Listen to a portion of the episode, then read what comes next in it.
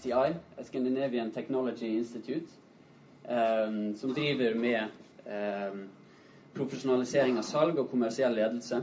Uh, han holder i noen av de største kundene som de har her. Uh, var nylig ansvarlig for uh, et stort uh, lederprogram i Toyota for mer enn 250 ledere, så han har en masse erfaring i næringslivet. Jeg har også hatt gleden av å høre Per Christian tidligere snakka om dette temaet, evangelisering på arbeidsplassen. jeg ble kjempeinspirert, så jeg gleder meg til å høre deg, Per Christian. så kan vi ikke gi han en applaus mens han kommer opp her nå?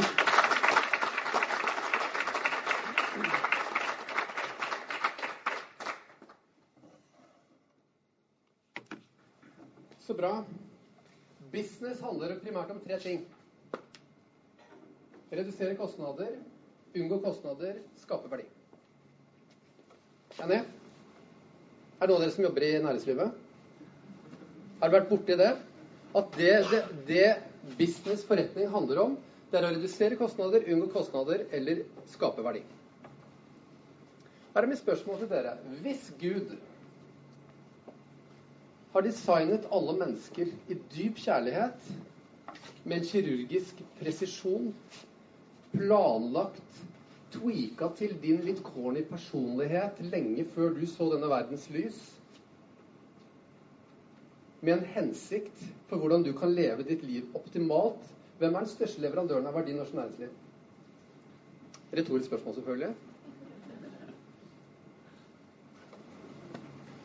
Og hvis Gud er den Og da er selvfølgelig da spørsmålet hvilken verdi er det han som har designet deg og meg, og egentlig alle de menneskene som du møter blikket med i løpet av en dag, hvilken verdi er det han kan tilføre? Hva er de viktigste verdiene som de gode nyhetene har å tilføre vår verden og mennesker rundt oss i dag, folkens? Det er ikke retorisk. Evangeliet. Evangeliet var evangeliet. Historien om Jesus' oppstandelse og frelse. Rett og slett. Ok? Evangeliet. Historien om Jesu oppstandelse. Så langt som en ikke-troende så er det produkt, et produktsalg som jeg ikke skjønner bæret av. Men så vi skal bore litt, men hva, hva, er verdien av de gode, eller evangeliet, som da betyr gode nyheter? Jeg er litt teolog også. Eh, hva er verdien av det? Frelse, evig liv. Frelse, evig liv. Hva er frelse? Det er et religiøst begrep for meg. Frelse? Jeg ikke flytte på deg. Altså. Et nytt liv. Et nytt liv, ja. Hva er det som er bedre med det livet enn det jeg har? Jeg har det ganske bra, jeg.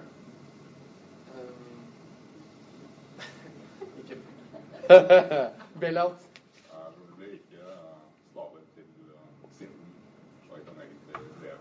Synd er altså et religiøst begrep for meg. Jeg er ikke noe synder. Jeg, er bedre enn de fleste. Jeg hjelper damer over veien. Ok, det er det Evan? Fred. Verdensfred? Guds fred. Ja. Du kan få en relasjon til den som har skapt det. Hvorfor er det viktig? Hvorfor er det viktig? Eh, fordi du kan bli fred på innsiden, du kan få en hensikt med livet, du kan få identitet. Du kan få allting du noensinne kan ønske deg, og enda mer. Ja, takk. Veldig bra. Ja. Spørsmål til deg. Har du stolt av ditt liv? mest stolt av mitt liv? Ja. ja. Har du gjort noe galt? Kanskje? Er det noen ting som uh, du tenker at nei Ja, på mange måter er jeg stolt av livet mitt. Ja. Ja, er det sånn 100 eh, glad person uh, i livet? Nei, det er ting som jeg kunne fiksa på. Ingen sørring, kanskje? Men denne refleksjonen her, folkens, hvor ofte tar dere dere tid til å reflektere gjennom hva som faktisk er verdien av det vi står for, og det vi tror på? Ja. Så det vi skal snakke om i dag, så, så, det er verdien, da. Hva er kostnadene med dette livet vi lever, da? Hvis vi snakker om å redusere eller unngå kostnader, hva slags, hva slags, hva slags kostnad er det mennesker, eh, og dermed også bedrifter, kan oppleve?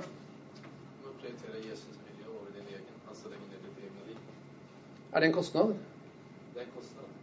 Og ja. du, du vinner alt på det, men det er ja. kostnaden av å følge til, du å omvende deg fra dine gamle veier som du tror er rett, og legge ned stoltheten for faktisk bli korrigert. Ja. Ja, ja, jeg, jeg beklager. Jeg, jeg, jeg spilte inn, jeg fikk en mail fra HR-sjefen i år. Vi skal ha, vi har noen fagkvelder i, i firmaet hos oss. For noen år siden så tok administrerende ansvar. Han hadde vært og testa seg på kreft selv. Og opplevde hvor utrolig befriende det var å fått den, den, tryggheten på at hans helse er i godt shape.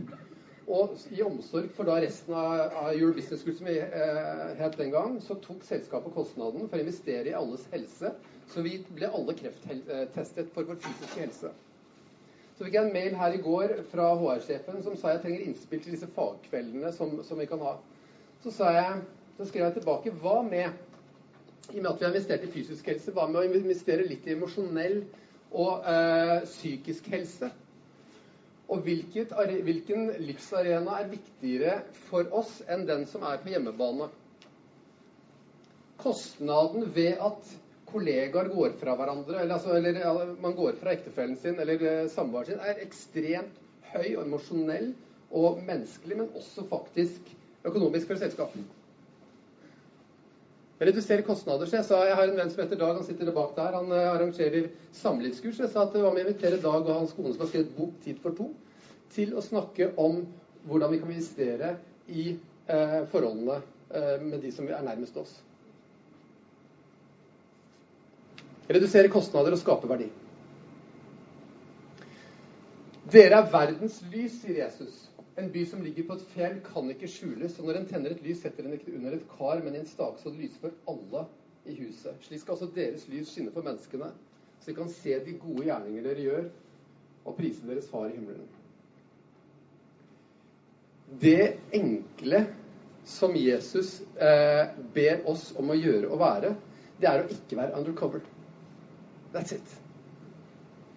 Du trenger ikke å prestere så sinnssykt mye. Det eneste er å bare ikke være undercover. Jeg vokste opp med en generasjon som, som, vokste opp med et mindset som jeg mener ikke er bibelsk. Man snakket om å ha med seg Gud på laget eller ta med Jesus på jobben. Vet du hva? Hvis du snakker sånn eller tenker sånn eller hører sånt, så er ikke det bibelsk i det hele tatt. Gud, Jesus venter ikke på at du skal plukke han til å være med på ditt lag. Han gjør ikke det. Og her er da mitt spørsmål. Hvem var først på jobben din? Var det du eller Jesus? Og det som er greia, er at vi, i den tiden vi lever nå, mellom hagen og byen Og urbanisering er en av de store globale megatrendene som preger all eh, business i dag. I den tiden der så er Gud og Guds nærvær aktivt i alle sektorer, alle krinkler og kroker i, eh, i vårt samfunn. For den som har øyne til å se det. Men så lenge vi sitter og tenker på at vi må ta med oss Jesus i lomma eller med oss, få han med på laget, eller noe sånt, og ikke antar på forhånd at han er der, så, ha, så kommer ikke vi til å gjenkjenne engang. Gir det mening? Um, jeg har ikke tatt den inn her, da. Der er den. Jeg tenkte å bare gi, dele fem tips. Det kunne vært syv eller det kunne vært tre, det er ikke så nøye. Som funker for meg, og som jeg tenker at kan være kanskje nyttig for noen av dere å ha med dere. Om dere ønsker å gjøre en evig forskjell på, på, inn i livet og på arbeidsplassene. Den første, det er gjør daglig tilbedelse Den funker ikke. Til en høyeste prioritet. Den du tilber, kommer til å speile seg gjennom livet ditt. Det du tilber Alle mennesker er tilbedere, forresten, by the way. Vi gir jo vår hengivelse til et eller annet. Så hvis det ikke er Gud, så er det noe annet, og det kommer til å speile seg gjennom livet ditt. Om det, er, om, om det er grådighet eller materialisme, så kommer det til å speile seg gjennom livet ditt. Men hvis du tilber designeren som er full av kjærlighet, full av nåde, som var et ord du eh, brukte, som handler om at noe er uforbeholdent gratis. Kostnadsfritt.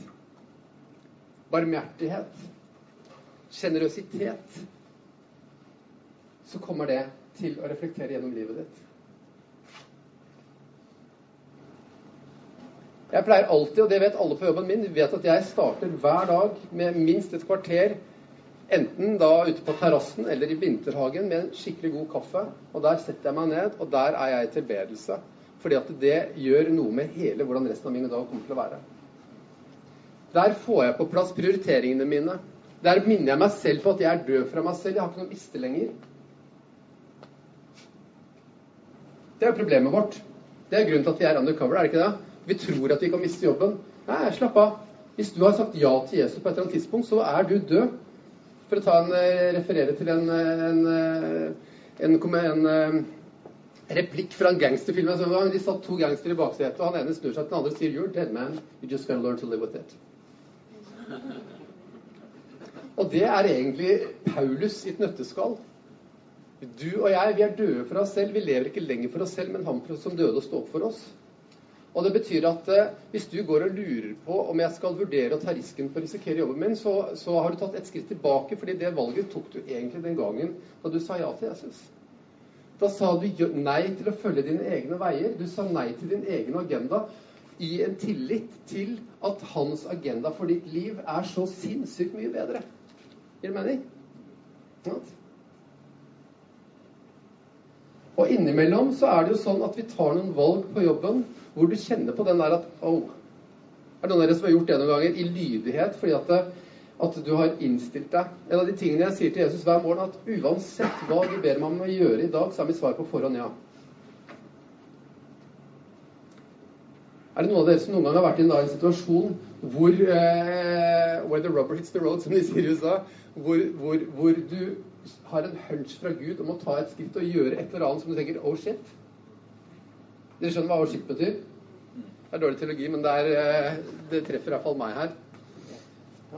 Hvordan går dette her? I forrige uke så hadde jeg en kaffe med en direktør i et selskap. Han hadde akkurat fått sparken. Jobbet med selskapet en stund. Eh, kjenner konserndirektøren, altså sjefen hans, veldig godt. Men han ringte meg og spurte kan vi ta en kopp kaffe fordi at jeg har eh, måttet slutte jobben min. Det var noen prosjekter som hadde gått skikkelig dårlig. Og eh, noen av de andre ledergruppa som jeg har executive coaching med, hadde sagt til han hva om du Hvorfor tar du ikke og ringer Per Christian Lunde? Fordi han kan det sikkert være bra å prate med. Så da ikke fakturere partier. Jeg inviterte ham på lunsj i kantina oppe på Helsfiratrium, hvor vi har kontorer.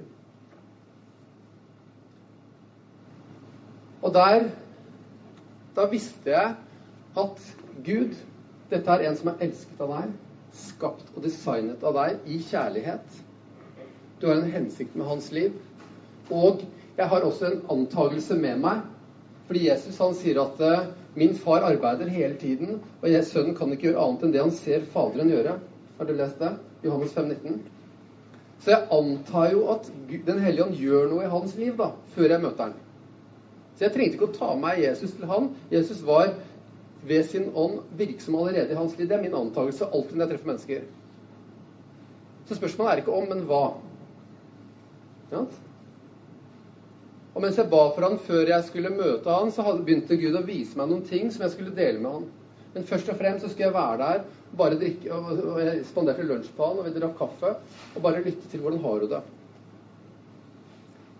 Og så sitter vi og prater, og han, forklarer, og han fortømte seg litt for hvordan han har det. Han har kommet seg gjennom den verste sjokkfasen. Begynt å se litt framover. Og så stiller jeg det spørsmålet her, sier jeg, hva er din største frykt nå? Jeg skal komme tilbake til den biten der. Men det der å stille mennesker spørsmål for å få informasjon, for å få tilgang til hva som egentlig rører seg i livet deres, og så sier han, vet du hva, det er egentlig ikke usikkerheten på om jeg får en ny jobb, for jeg er ingeniør, og dette kommer til å gå bra. Jeg har fått to jobbtilbud allerede. Men min største frykt er at familien eh, på et eller annet tidspunkt skal eh, ramle sammen.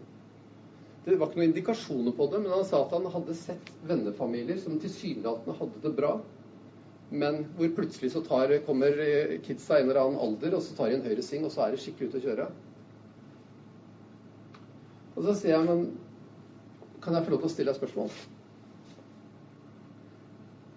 Hvis Gud, han som har designet deg, eh, kunne gjøre noe for deg personlig i ditt liv akkurat nå, hva skulle du ønske at det var? Og så sier han da måtte det være Og så sier jeg jeg vet ikke om du tror på Gud engang. For det hadde vi ikke snakket så mye om. Nei, han Visste vel ikke heller det. Jeg tror ikke han hadde så mye forhold til Gud. Så sier han eh, det måtte være at familien min har det bra. Så sier jeg men har du noe imot at jeg bare ber for det her og nå? For jeg tror at Gud kan faktisk holde sin hånd over din familie. Og så sitter vi i kantinen, som er mye større enn dette, den kantinen her. Og så, så sier jeg jeg skal ikke gjøre noe religiøs krumspring i det hele tatt, men jeg snakker med Gud sånn som jeg snakker med deg. Er det ok at jeg ber for, ber for akkurat det nå? Så skal jeg egentlig gjøre det. Så i den situasjonen så, så, så, så kommer jo alt til Gud, da. Ja? Og Noen ganger så ser du at mennesker blir berørt, noen ganger så ser du det ikke. Men i tro så vet vi at hver gang vi åpner et vindu og ber for mennesker, så, så, så, svarer Gud på et eller annet nivå. Um, daglig tilbedelse gjør at vi har det riktige fokuset, vi har, vi har den riktige visjonen. Det er noen av dere som har kommet på jobb og blitt tatt av hverdagen noen gang. Den første mailen, kunden ringer, eh, ikke sant? Oppgavene står i kø, det brenner, og det er bare brannslukking. For meg så er det helt avgjørende å starte dagen hver eneste dag i stillhet og tilbedelse og synke meg opp, få mindsetet på plass og bare minne meg selv på at jeg er bare vekslepenger i Guds lomme som man kan bruke akkurat sånn som man vil. Gir det mening? Ok. Nummer to vær de gode nyhetene, da. Vi snakket om evangeliet, som betyr gode nyheter på gresk. Vær de gode nyhetene. Vær den som tjener lederen og sjefen din. Vær, vær den som tjener kollegaene dine. Vær den som tjener kundene dine. Service betyr tjene. Hvis du jobber i servicenæringen, så handler det om å bli en tjenende leder. Tjenende lederskap er noe som vi jobbet med bl.a. i Toyota. Det har jeg snakket med Susanne om det i stad. Ved siden av jobben så leder jeg noe som heter Winters Vineyard, som er en nyplanting i en ny kirke her i byen. Og vi har en veldig enkel visjon om forandrede liv, ett liv om gangen. Og så har vi fire kjerneverdier. Sjenerøse liv, inkluderende tro, ekte fellesskap og dynamisk vekst. Det er kompasset mitt og til vintagerne når de går på jobb hver dag. Hvordan, far, kan jeg være den mest sjenerøse personen på arbeidsplassen i dag? Tenk å stille deg bare det enkle spørsmål der. På hvilken måte kan jeg leve ut disse verdiene om at du kom for å gi liv, ikke bare liv, men i overflod? At du er den mest sjenerøse i hele universet? Ekte. Hvordan kan jeg være den første til å innrømme feil? Til å innrømme at det jeg tok en ukalkulert risk at det prosjektet egentlig var mitt ansvar, av min, min watch. Ja. Inkluderende. Jeg har sett det, jeg jobber, og, og, dette her er jo selvfølgelig verdier når jeg jobber med ledere og salgsorganisasjoner i store norske og internasjonale selskaper. Så er jo dette verdiene som jeg, som jeg trener med. Ja. Og jeg har sett hvordan en person som ikke var en leder, bestemte seg for å for å hver eneste morgen hadde ett fokus. Hver morgen jeg kom på jobb, så skal jeg gå bort til kaffe, så skal jeg ta kaffekanna så skal jeg gå rundt til kollegaene mine og eh, spørre om de har lyst på kaffe. Det var det eneste han hadde bestemt seg for. Den ene lille tingen der forandret hele kulturen i selskapet. Dritkult. Og det er det som er så besnærende. Det er så utrolig lite som skal til. Ikke sant? Vær de gode nyhetene. Vær som Jesus. Hva var det Jesus gjorde? Vær til stede, da. Hver eneste gang jeg setter meg ned og har mine samtaler med Jesus Jeg har enda til gode å oppleve at han sitter på mobilen med noen andre. Ja, men det er helt sant. Han tiltaler meg meg ved navn. Og han gjenoppretter. Og han har 100 fokus på hvordan han kan gi meg verdi og, og, og unngå å redusere kostnader i livet mitt.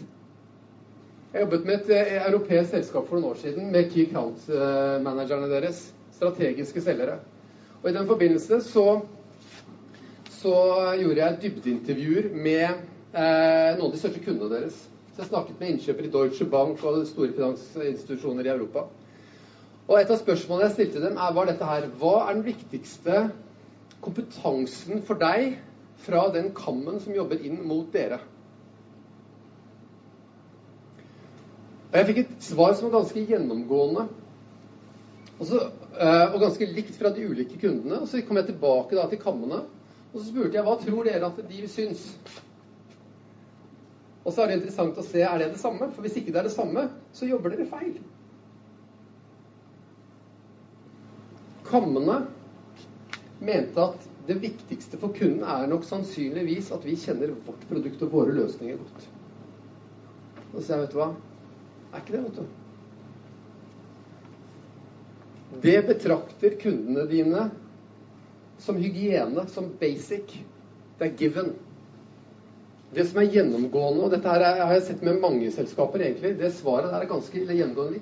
Det sier at det viktigste for oss, det er at Kammen, eller eh, leverandøren vår, kjenner vårt marked, våre utfordringer og hvilke endringer som kommer til å skje, sånn at de kan tilpasse løsningene for å redusere kostnader, unngå kostnader og skape verdi for oss på en enda bedre måte i framtiden. Wow! Så fra å være seg selv-fokusert til å være kundefokusert Det betydde at eh, vi måtte jobbe med disse kammene for at de skulle bli enda proffere i, i forhold til å forstå ulike segmenter og markeder og industrier. Ja. De måtte bli bedre på å stille spørsmål. Og her er mitt spørsmål, da. Hva tror du at, kunden, at de som du ønsker å dele de gode nyhetene med, er mest opptatt av at du har svart belte i eh, teologisk språk? Eller at du hacker deg inn i hodet og hjertet deres og prøver å forstå hvordan de faktisk egentlig har det? Det første er given. Derfor mener jeg at alle bør være del av et levende, dynamisk kristen fellesskap, en menighet. For å, for å være i, en, i en, eh, et, et miljø hvor man får den type Hvor man eh, blir hele tiden minnet om verdien av hva, av hva, vi har å tilføre verden. Men det de er opptatt av Amerikanerne har en ganske bra måte å si det på. De sier at uh, 'people don't care how much you know until they know how much you care'.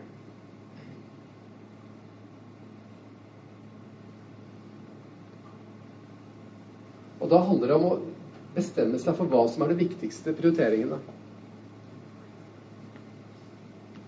I fjor så lærte jeg meg navnet på ca. 600 personer. Og Jeg husker en av de lederne i en ganske stor gruppe eh, av kundene som jeg jobber med, spurte meg hvordan gjør du det.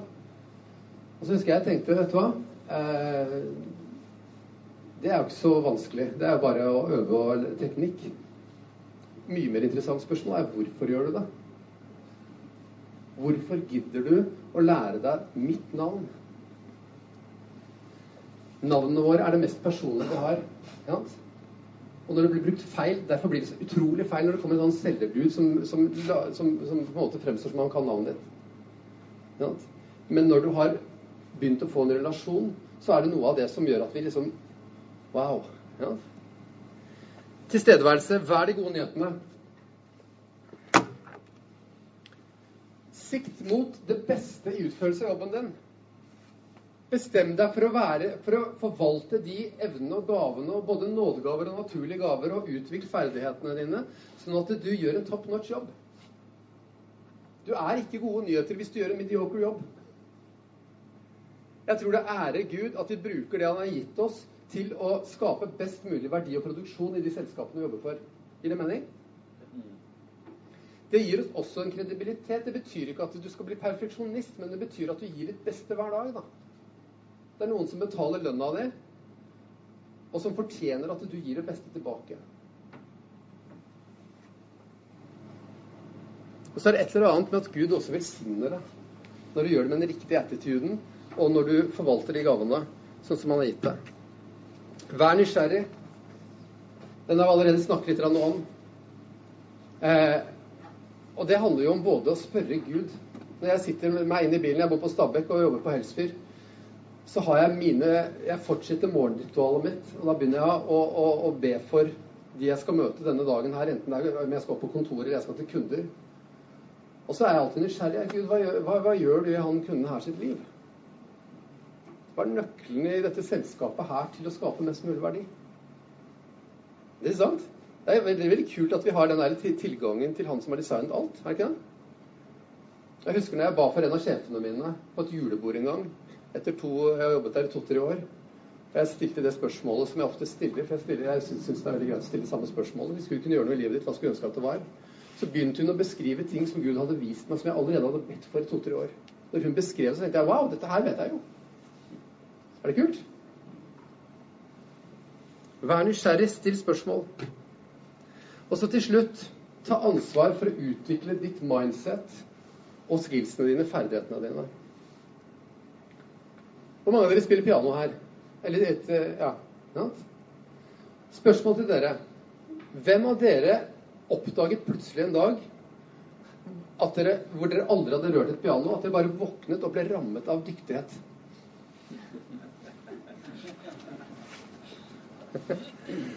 De fleste som er gode på piano, har lagt ned noen timer. Og så terper de. Og så øver de. Og så er det litt feil.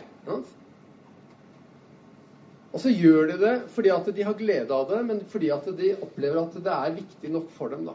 Og her er, da er mitt spørsmål hvor viktig er det å lede mennesker til Jesus for deg? For hvis ikke det er så viktig, så ikke bruk så mye tid på å utvikle mindset og dine. Men hvis det faktisk er viktig for deg, så har jeg lyst til å oppmuntre deg til å jobbe ta ansvar for å utvikle både mindset og skills i forhold til å kunne leve type, den type liv som, som virkelig forandrer livet rundt deg. Jesus sa at Guds rike er nær. Guds herrevelde er nær, betyr det egentlig. Guds evne og vilje og kraft til å forvandle liv. Til å gjenopprette, som du sa. Og da er spørsmålet hvor, For hvem er det nært, da? Alle mennesker. Det har vært nært ever since Jesus sa de ordene i Markus 1,14, eh, når han starter sin tjeneste. For hvem er det nært? For alle. Ok, når, når er det nært? Alltid. Hvor nært er det, da? For hånden står det egentlig i grunnteksten. Det vil si at din kollega, din kunde, den neste du sitter ved siden av på bussen Hvis vedkommende, gjennom at du ser hva, hva, hva du gjør i, i dens liv, kan løfte det opp i bevisstheten, og den personen strekker ut hånden og sier 'jeg vil ta imot', så er det alltid forholden. Det er aldri herfra ut, men det er herfra inn. Enig? Hvordan vet du når du sto opp i dag at du ikke har ledet noen til Jesus før du legger deg i kveld? Hvordan vet du det?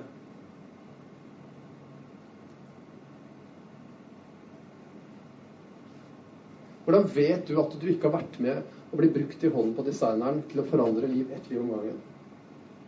Jeg skal avslutte med en episode og det er det siste jeg sier. Passer tiden her. For noen år siden, det er ikke så mange år siden, en stund, en stund tilbake så satt jeg på kontoret oppe på Helsfyr, så kommer det en uh, messengermelding inn uh, fra en tidligere sal, en, eller en salgssjef i et selskap jeg jobbet i Trondheim for en del år siden. Og hvor det står uh, 'Hei, hvordan har du det bare?' Jeg har ikke hatt kontakt, snakket med henne på sikkert ett eller to år. Og så hadde jeg back-to-back-møter hele den dagen der, så jeg hadde ikke tid til å ta tak i det. Så jeg svarte ikke i det hele tatt. Men jeg tenkte ok, når jeg er ferdig på jobb, og så skal jeg hente datteren min på Oslo S i kveld. Da, da ringer jeg eh, Inger. Så husket jeg det, for det, man glemmer det ofte, men jeg husket det, så jeg satte meg i bilen opp på Stabekk. Jeg har da et kvarter derfra ned til Oslo S, og så ringer jeg Inger, og hun tar telefonen og spør hvordan går det. Og hun sier eh, eh, ja, bla, bla, bla, bra og sånne ting, men det er en ting som plager meg sånn, for jeg har så utrolig forferdelige smerter i ryggen. Og fordi jeg da har jobbet med mindset og skillsene mine og innstillingen min på morgenen, så er jeg klar, jeg. Så jeg sier, men Inger, du kjenner jo meg. Eh, har du noe mot at jeg ber for ryggen din nå? Og det var også fordi at når hun sa det der og da, så iblant så forløser Gud det vi kaller troens gave. Er det noen som har vært borti den? En nådegave. Som gjør at vi iblant bare vet at noe kommer til å skje. Er du borti det? Og da er det i hvert fall viktig å være klar, ikke sant? Så jeg sier, har du noe mot at jeg ber for deg? Nei, nei, det var greit. Så sier jeg, hvor er du? Jo, jeg sitter hjemme i stuen. Er det noen rundt deg? Nei, det var ikke noe der. Ok, men ta, ta legg hånden din på der hvor smerten sitter i ryggen, og så skal jeg be for deg. Ja, ja, jeg er klar. Så sier jeg, ok, men det er bra, jeg skal ikke lukke øynene før jeg kjører bil.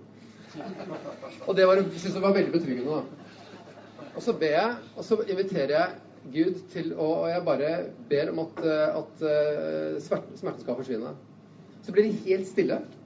Og da har jeg kommet ned ved Frognerkilen og mot liksom Hjortneskaia. Og så, eh, og så, plutselig så kommer hun helt choka opp tilbake og sier det er så rart, det er så rart, det er så rart. Og så sier jeg hva er det som er så rart? Jo, nei, det er en intens varme inni ryggen min, sier hun. Så jeg, ja, ja, kult. Det, det, er, ikke, det, er, det, er, ikke feil, det. Men, uh, men, hvordan går det med smerten? Og så blir hun litt stille igjen og sier å, det er så rart, det er så rart, det er så rart. Hva er det som er så rart? Nei, men den er helt borte. Så tenker jeg wow. Og fordi jeg igjen da har begynt å øve meg Husk at jeg, i, jeg har sånn learner bakpå ryggen, så jeg øver meg på en del ting. Så når jeg da ber for ulike ting, så øver jeg meg på å stille et spørsmål til. Og det gjorde jeg nå. Så ser jeg Inger, visste du at det finnes et under som er større enn det som du akkurat nå har opplevd? Det kunne hun ikke tro. For det syntes hun var ganske heftig. Så forklarte jeg de gode nyhetene om at uh, det fins evig liv i Jesus. Og så sa jeg har du, har du noen gang tatt imot Jesus som herre i livet ditt? Og så nei, det har jeg ikke. Hun, hun, hun, trodde på Gud. Men så sa jeg har du, har du noen gang invitert Jesus til å være din herre og din frelser? Fordi det kommer til å være den største game changeren ever i ditt liv. Ikke bare for dette livet, men for evigheten. Nei, det hadde hun ikke. Så jeg hadde lyst til det. Og nå har vi kommet på vei ned i operatunnelen sier hun ja. Så sier jeg, men vet du hva, kan ikke vi bare be for det her og nå? Og omtrent da jeg svingte inn på parkeringshuset på Oslo S, så sa vi amen. Og så hadde hun, jeg hadde fått lov til å lede en person til Jesus på vei til toget. Jeg er ikke sikker på om jeg hadde fått vært med på den fantastiske reisen. Og dagen etter så får jeg en ny tekstmelding, eller en ny messengermelding hvor hun skriver at det er den første natten på visste ikke hvor lenge, hvor hun hadde faktisk sovet gjennom natten. Smertene var borte, og takket for det som var skjedd. Så når vi starter dagen med tilbedelse, når vi bestemmer oss for å være gode nyheter, når vi forvalter og ærer Gud, eh, forvalter det Han har gitt oss, og ærer Han gjennom å produsere og levere på det beste nivået som vi kan, og er nysgjerrig på mennesker, og vi bryr oss, og vi stiller spørsmål. Og en av de beste tingene jeg har øvd meg på og lært meg, det er faktisk å bli god på å stille spørsmål. Det er min store ambisjon. Det er å lede mennesker til Jesus i store volumer uten å fortelle dem altfor mye. Veldig mange ganger så har jeg snakket med kristne som sier at jeg var i den situasjonen, og så jeg, jeg skulle sagt noe. Så jeg, nei, er du sikker på at du skulle sagt noe? Kanskje du bare skulle stilt et nytt spørsmål? Hva er din største frykt akkurat nå? Så tar vi ansvaret for den biten der, og så er det iallfall mine dagens lille småtips til uh, hvordan vi kan uh, være verdens lys. Takk.